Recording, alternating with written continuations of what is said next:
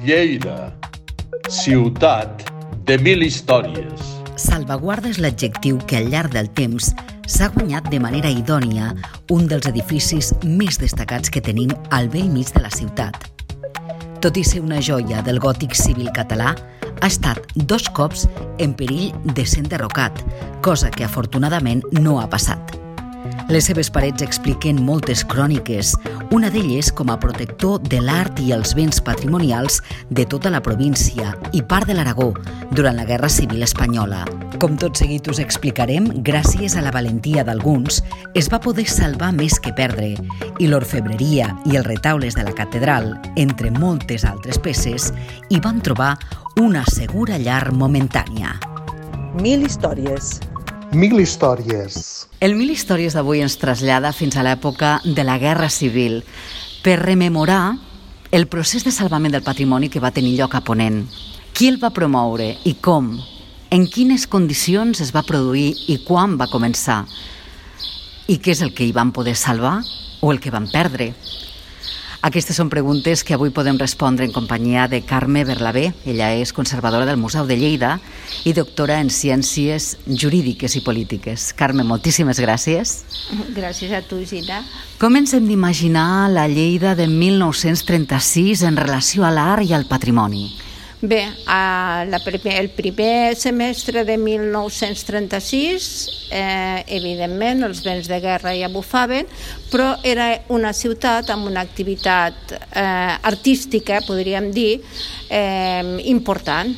Hi havia un museu diocesà que estava obert determinades hores al públic, hi havia un museu d'art, i hi havia una sèrie d'artistes que eh, d'alguna manera estaven conreant les, avant, les avantguardes i bé, eh, estava tot connectat amb també ambients artístics de Barcelona, per tant era una ciutat en aquest sentit mm, que anava avançant. Tot això, evidentment, amb la Guerra Civil s'estronca.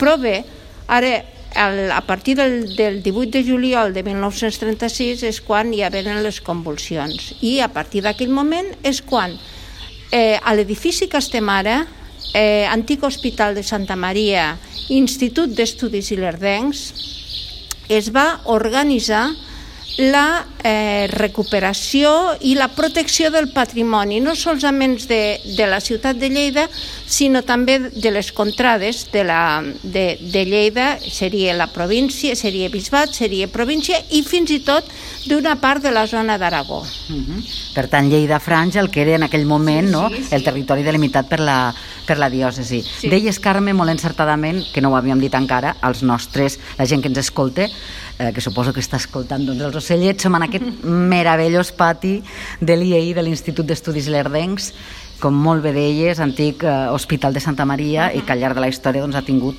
altres usos i funcions. I aquest va ser, nosaltres som aquí per recordar precisament que aquest va ser el lloc on primer de tot va sí. haver-hi el trasllat del que, del que es va començar a moure, no? Sí, perquè aquest eh, edifici era, el, des de l'any 1934, era la seu del Museu d'Art de Lleida, el museu que va rebre el nom de Jaume Morera arran de la donació del, del pintor del, del pintor Morera de nombroses obres seves, llavors se li va posar el seu nom, però era el, el conegut des de sempre com Museu d'Art de Lleida. En ser aquest edifici la seu del Museu d'Art, va ser també la seu del Museu del Poble. I què era el Museu del Poble? El Museu del Poble era un nens de la Lleida republicana que precisament centralitzava tot el patrimoni, com deia abans, de Lleida i de les seves contrades i quan arribava aquí es fotografiava, s'inventariava i eh, es eh, protegia de la millor manera que es podia i la veritat és que segons les descripcions que fa l'Antoni Vergós al seu llibre, la protecció era bastant acurada i bastant extremada. Fixa't tu que estem a les escales que estem assentades, hi ha una fotografia de, del, de l'escultor Magrinyà i, i també de, un altre escultor que em sembla que, era, que es deia Borràs i que estan subjectant tots dos un relleu del retaule major de l'església de Sant Llorenç, que van desmuntar i que van traslladar cap aquí. Per tant, un d'aquells moments històrics es va produir justament on som ara, no? Sí, sí, sí.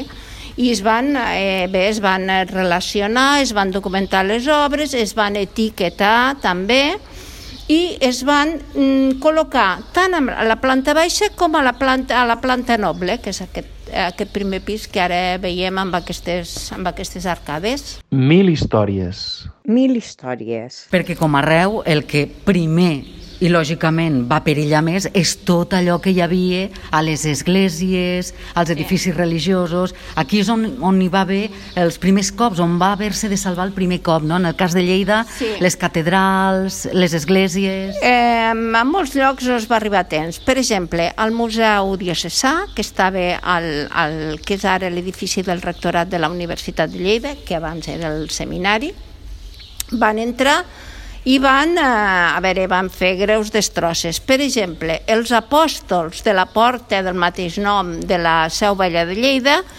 eh, escultures de pedra de dos metres i poc, van estar trossejats. I avui en dia estan tots sencers i estan exposats al Museu Diocesà de Lleida, avui en dia eh, el, el màxim que tenim és un cap. Per tant, sí que va haver greus mm, pèrdues i algunes i alguns retaules de fusta que van, que van ser també mm, van rebre importants lesions, però com immediatament es va traslladar tot el fons artístic del Museu de Ciutat de Lleida cap aquí, cap al Museu del Poble, Eh, bé, si fem una avaluació eh, general, mm, les pèrdues tampoc van ser tantes. Altre cas és, per exemple, la catedral de Lleida. De la catedral de Lleida va ser incendiada i es va perdre, es van perdre tots els altars barrocs fets per Joan Adan i el cor de fusta tallada fet per Lluís Bonifàs.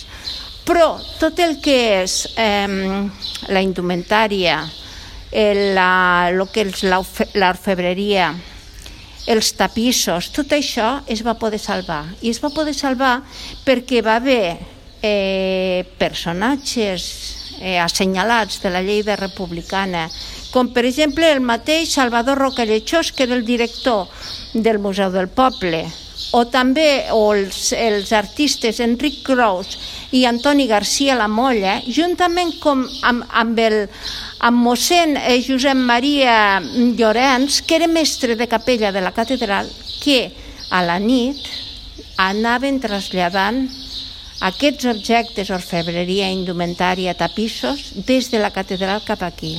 És a dir, era una, un salvament molt arriscat perquè eren moments ja molt convulsos, molt delicats, podien haver rebut qualsevol d'ells de, o tots un tret al cap, però ells se van jugar la vida per salvar el patrimoni. I gràcies a això aquests objectes no van, no van eh, mm, sucumbir al foc de la catedral que va ser, li va anar, com diem aquí, de un, ca- del canto d'un duro. Clar, malgrat que era aquí davant, però, com Sí, tu deies, sí, sí, sí. Una, una operació Va ser un eh, de risc. Va ser un encert que anessin traient tot aquest material, evidentment no es podien endur un retaule, no es podien endur un cor, però tot això, fins i tot la custòdia, la custòdia, mm, la, custòdia principal de la catedral de Lleida, que és molt gran, que ara la tenen exposada precisament a la catedral, la van traslladar cap aquí i la van posar al darrere d'una paret per protegir-la.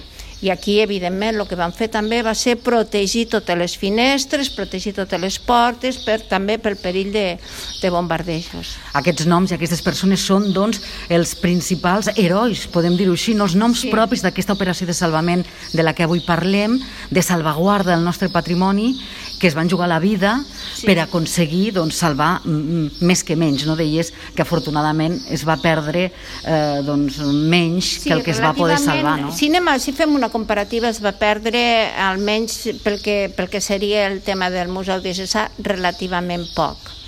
I també en el, el, eh, Enric Crous i Antoni García La Molla eren els agents recuperadors de patrimoni que anaven, eh, per exemple, van fer la zona la zona de, de Franja, eh, van, van portar tot el que hi havia a Roda d'Isàbena, tot el tresor de Roda d'Isàbena va entrar aquí, es va protegir, després van anar a Sigena en una altra operació, evidentment Sigena ja no és franja, però és bisbat de Lleida, era, perdó, era bisbat de Lleida, i van portar tot el que havia quedat després de la crema del monestir de Sigena.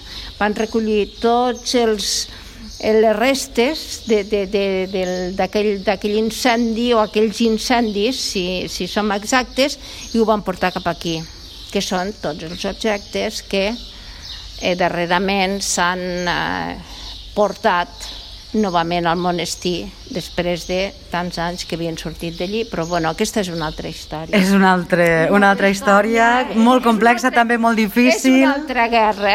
És una altra guerra, mai més ben dit, a més llarguíssima també, i sí, sí. que ara està així, però bé, això ja serà, com deies, sí. objecte d'un altre, d'una altra conversa. Mil històries. Mil històries. I també aquests eh, agents no solament recuperaven els béns artístics de les, eh, de les parròquies i dels monestirs, sinó també de particulars, perquè, per exemple, va entrar aquí, al Museu del Poble, la col·lecció, la important col·lecció de pintura d'una família de Sena, de la família Gascó, i després, quan va, va, va acabar la guerra, aquests, aquests béns artístics van ser retornats als seus legítims propietaris. I un cop tot això va estar dipositat aquí, eh, custodiat aquí, salvat, guardat aquí, què va passar? Quant temps hi va estar? Que, mm, deies també que, clar, es va haver d'adaptar una mica les condicions de l'edifici, no?, per protegir-ho de sí, millor sí, manera. Sí. Explica'ns una mica eh, tota aquesta feina, tota aquesta tasca, no?, posterior a que tots aquests elements ja són aquí, què passa en aquest edifici i quant temps dura aquesta situació? Hi havia una, una feinada en aquest sentit frenètica, elaborant llistats, elaborant inventaris amb diferents còpies, enviant-los a Barcelona també, i eh, intentant mantenir eh, la procedència i, la, i, i, i tota la informació corresponent a cada objecte de la millor manera possible. Què va passar? Pues, doncs que eh, Lleida, a començaments de l'any 38, va caure en poder de les forces d'ocupació franquistes i llavors quan van arribar eh, els, el, diguéssim, les forces d'ocupació franquistes es van trobar que aquest, aquests dipòsits que havien fet els eh, republicans. Però, com la cosa ja estava, eh, ja es veia, ja s'albirava el perill, molts objectes que estaven aquí al, a l'hospital, a l'antic hospital de Santa Maria, es van traslladar a l'ermita de, de Butseni, a 5 quilòmetres de Lleida. Allí van anar retaules, hi van anar escultures eh, de fusta, hi va anar tot el tresor de roda d'Isàbena, hi van anar alguns béns també procedents de Sigena, hi van anar eh, quadres de la col·lecció Gascó i tots aquests objectes es van quedar també allí protegits per part d'aquests agents de la llei de republicana. Van entrar les forces d'ocupació franquistes, van fer relació de tot, també és a dir, a veure, si hem de ser justos, hem de dir que tanta cura van tenir amb la documentació els republicans com els, eh, els nacionals, entre cometes. Perquè quan van arribar també van fer relació de tot el que havien trobat, tant en el dipòsit d'aquí de l'antic hospital de Santa Maria com en l'ermita de l'ermita de, de Butseni. Llavors, aleshores què van fer? Van eh, centralitzar tots els béns i com que com, com encara hi havia perill a Lleida, van decidir amb una decisió, la veritat és que segons la documentació molt controvertida, traslladar tots els béns artístics eh, recollits de Lleida i Contrades a l'Església del Carme de Saragossa. I allí van estar fins que, eh, va, fins que es va acabar la guerra. Un cop es va acabar la guerra, van retornar els objectes, es van, re, es van retornar alhora als seus legítims propietaris, tot i que alguns se van quedar encara que no sabem eh, ni d'on venien ni d'en qui eren, i alguns van passar al Museu Diocesà de Lleida, i, eh, i aquest edifici es va convertir en l'Institut d'Estudis Ilerdencs. Mil històries. Mil històries. Afortunadament, aquesta, gràcies a aquesta feixuga feina també, no? en aquells moments tan complexos de documentar i de tenir aquesta cura, va facilitar que la major part doncs, pogués retornar a, als seus orígens, no? si no, no hagués estat així. T'he de dir una cosa, que aquesta documentació que es va generar, eh, tant la, la, la documentació eh, republicana com la documentació eh, que va elaborar el Servicio de Defensa del Patrimonio Artístico Nacional, creat amb, eh, en, diguéssim, el, ja en els primers... Eh, eh, potser me sembla, si no recordo malament, va estar creat, creat l'any 38 ja, és a dir, a veure, era un, era un servei vinculat, evidentment, al, al, a les forces d'ocupació franquistes que es dedicava precisament amb aquesta recuperació de, dels objectes artístics. Doncs gràcies a la documentació generada, avui en dia encara podem identificar moltes obres. Moltes obres que no teníem la seva identificació i que gràcies a aquests llistats podem saber, potser, que procedien d'aquí, que procedien d'allà i quina va ser la seva trajectòria en aquest moment, que te donen aquesta visió més, eh, diguéssim, més completa del que seria la història de l'objecte. Carme, i ara pensava som a l'IEI, aquest magnífic edifici, amb aquesta història que estem repassant, amb aquest bagatge just davant de la catedral, la catedral nova, però penso també en els fets del Liceu Escolar, a l'altra banda. També, també. De quina manera tot això... Tot això és un eix, és un eix. És un eix eh, i eh, malauradament amb, amb, un, amb morts, com va ser en el cas del, del Liceu Escolar i amb pèrdues importants de patrimoni com va ser en el cas de la catedral. I al mig trobem eh, aquest edifici aquest antic hospital de Santa Maria, dedicat des de sempre a salvar, perquè un hospital està, està dedicat a salvar, i en aquests moments de la Guerra Civil també es va dedicar a, a fer d'hospital de, el, dels objectes artístics. Quin símbol tan bonic, no? És veritat, és, aquesta imatge és, és preciosa perquè és que és així, no? Sí. Eh, un, un edifici salvador, guaridor de persones i de, sí. i de béns i de patrimoni, de riquesa d'art, no? Però fixa't, aquest edifici... I encara ho és ara, eh, també, clar, de cultura, no? Sí, i ara de cultura, però fixa que aquest edifici ha estat dos cops a punt d'estar enderrocat. A l'any 1915 es va mm, decidir, es va, mm, bueno, es va pensar que s'havia de fer un nou hospital i, es, i que es podia ampliar la plaça, clar, el problema que té aquesta catedral nova és que no té perspectiva. Està encaixada. Aleshores van dir, ai, mira, saps què podríem fer? Enderroquem l'Hospital de Santa Maria i eh, mm, vendrem el solar i amb, lo que, amb tot allò que guanyarem eh, ho, ho, ho destinarem a la construcció del nou hospital. S'ha de dir que l'hospital primer era de, la, era de la Paeria, després va passar a la Diputació, després va passar a la, a la Mancomunitat i quan la Mancomunitat se va acabar va tornar a revertir a la Diputació.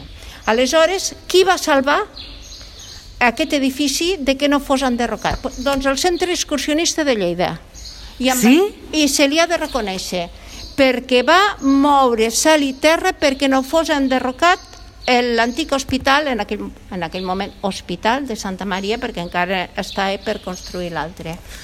I després, a l'any 1948, van decidir que podria ser una bona idea traslladar l'hospital a la plaça Lareta, numerant totes, desmuntant-lo, numerant totes les pedres i tornar-lo i tornant-lo a, a, a construir a allà? tornant-lo a muntar. Sortosament, sortosament no, aquesta segona idea no va prosperar. Però ha estat dues vegades en perill eh?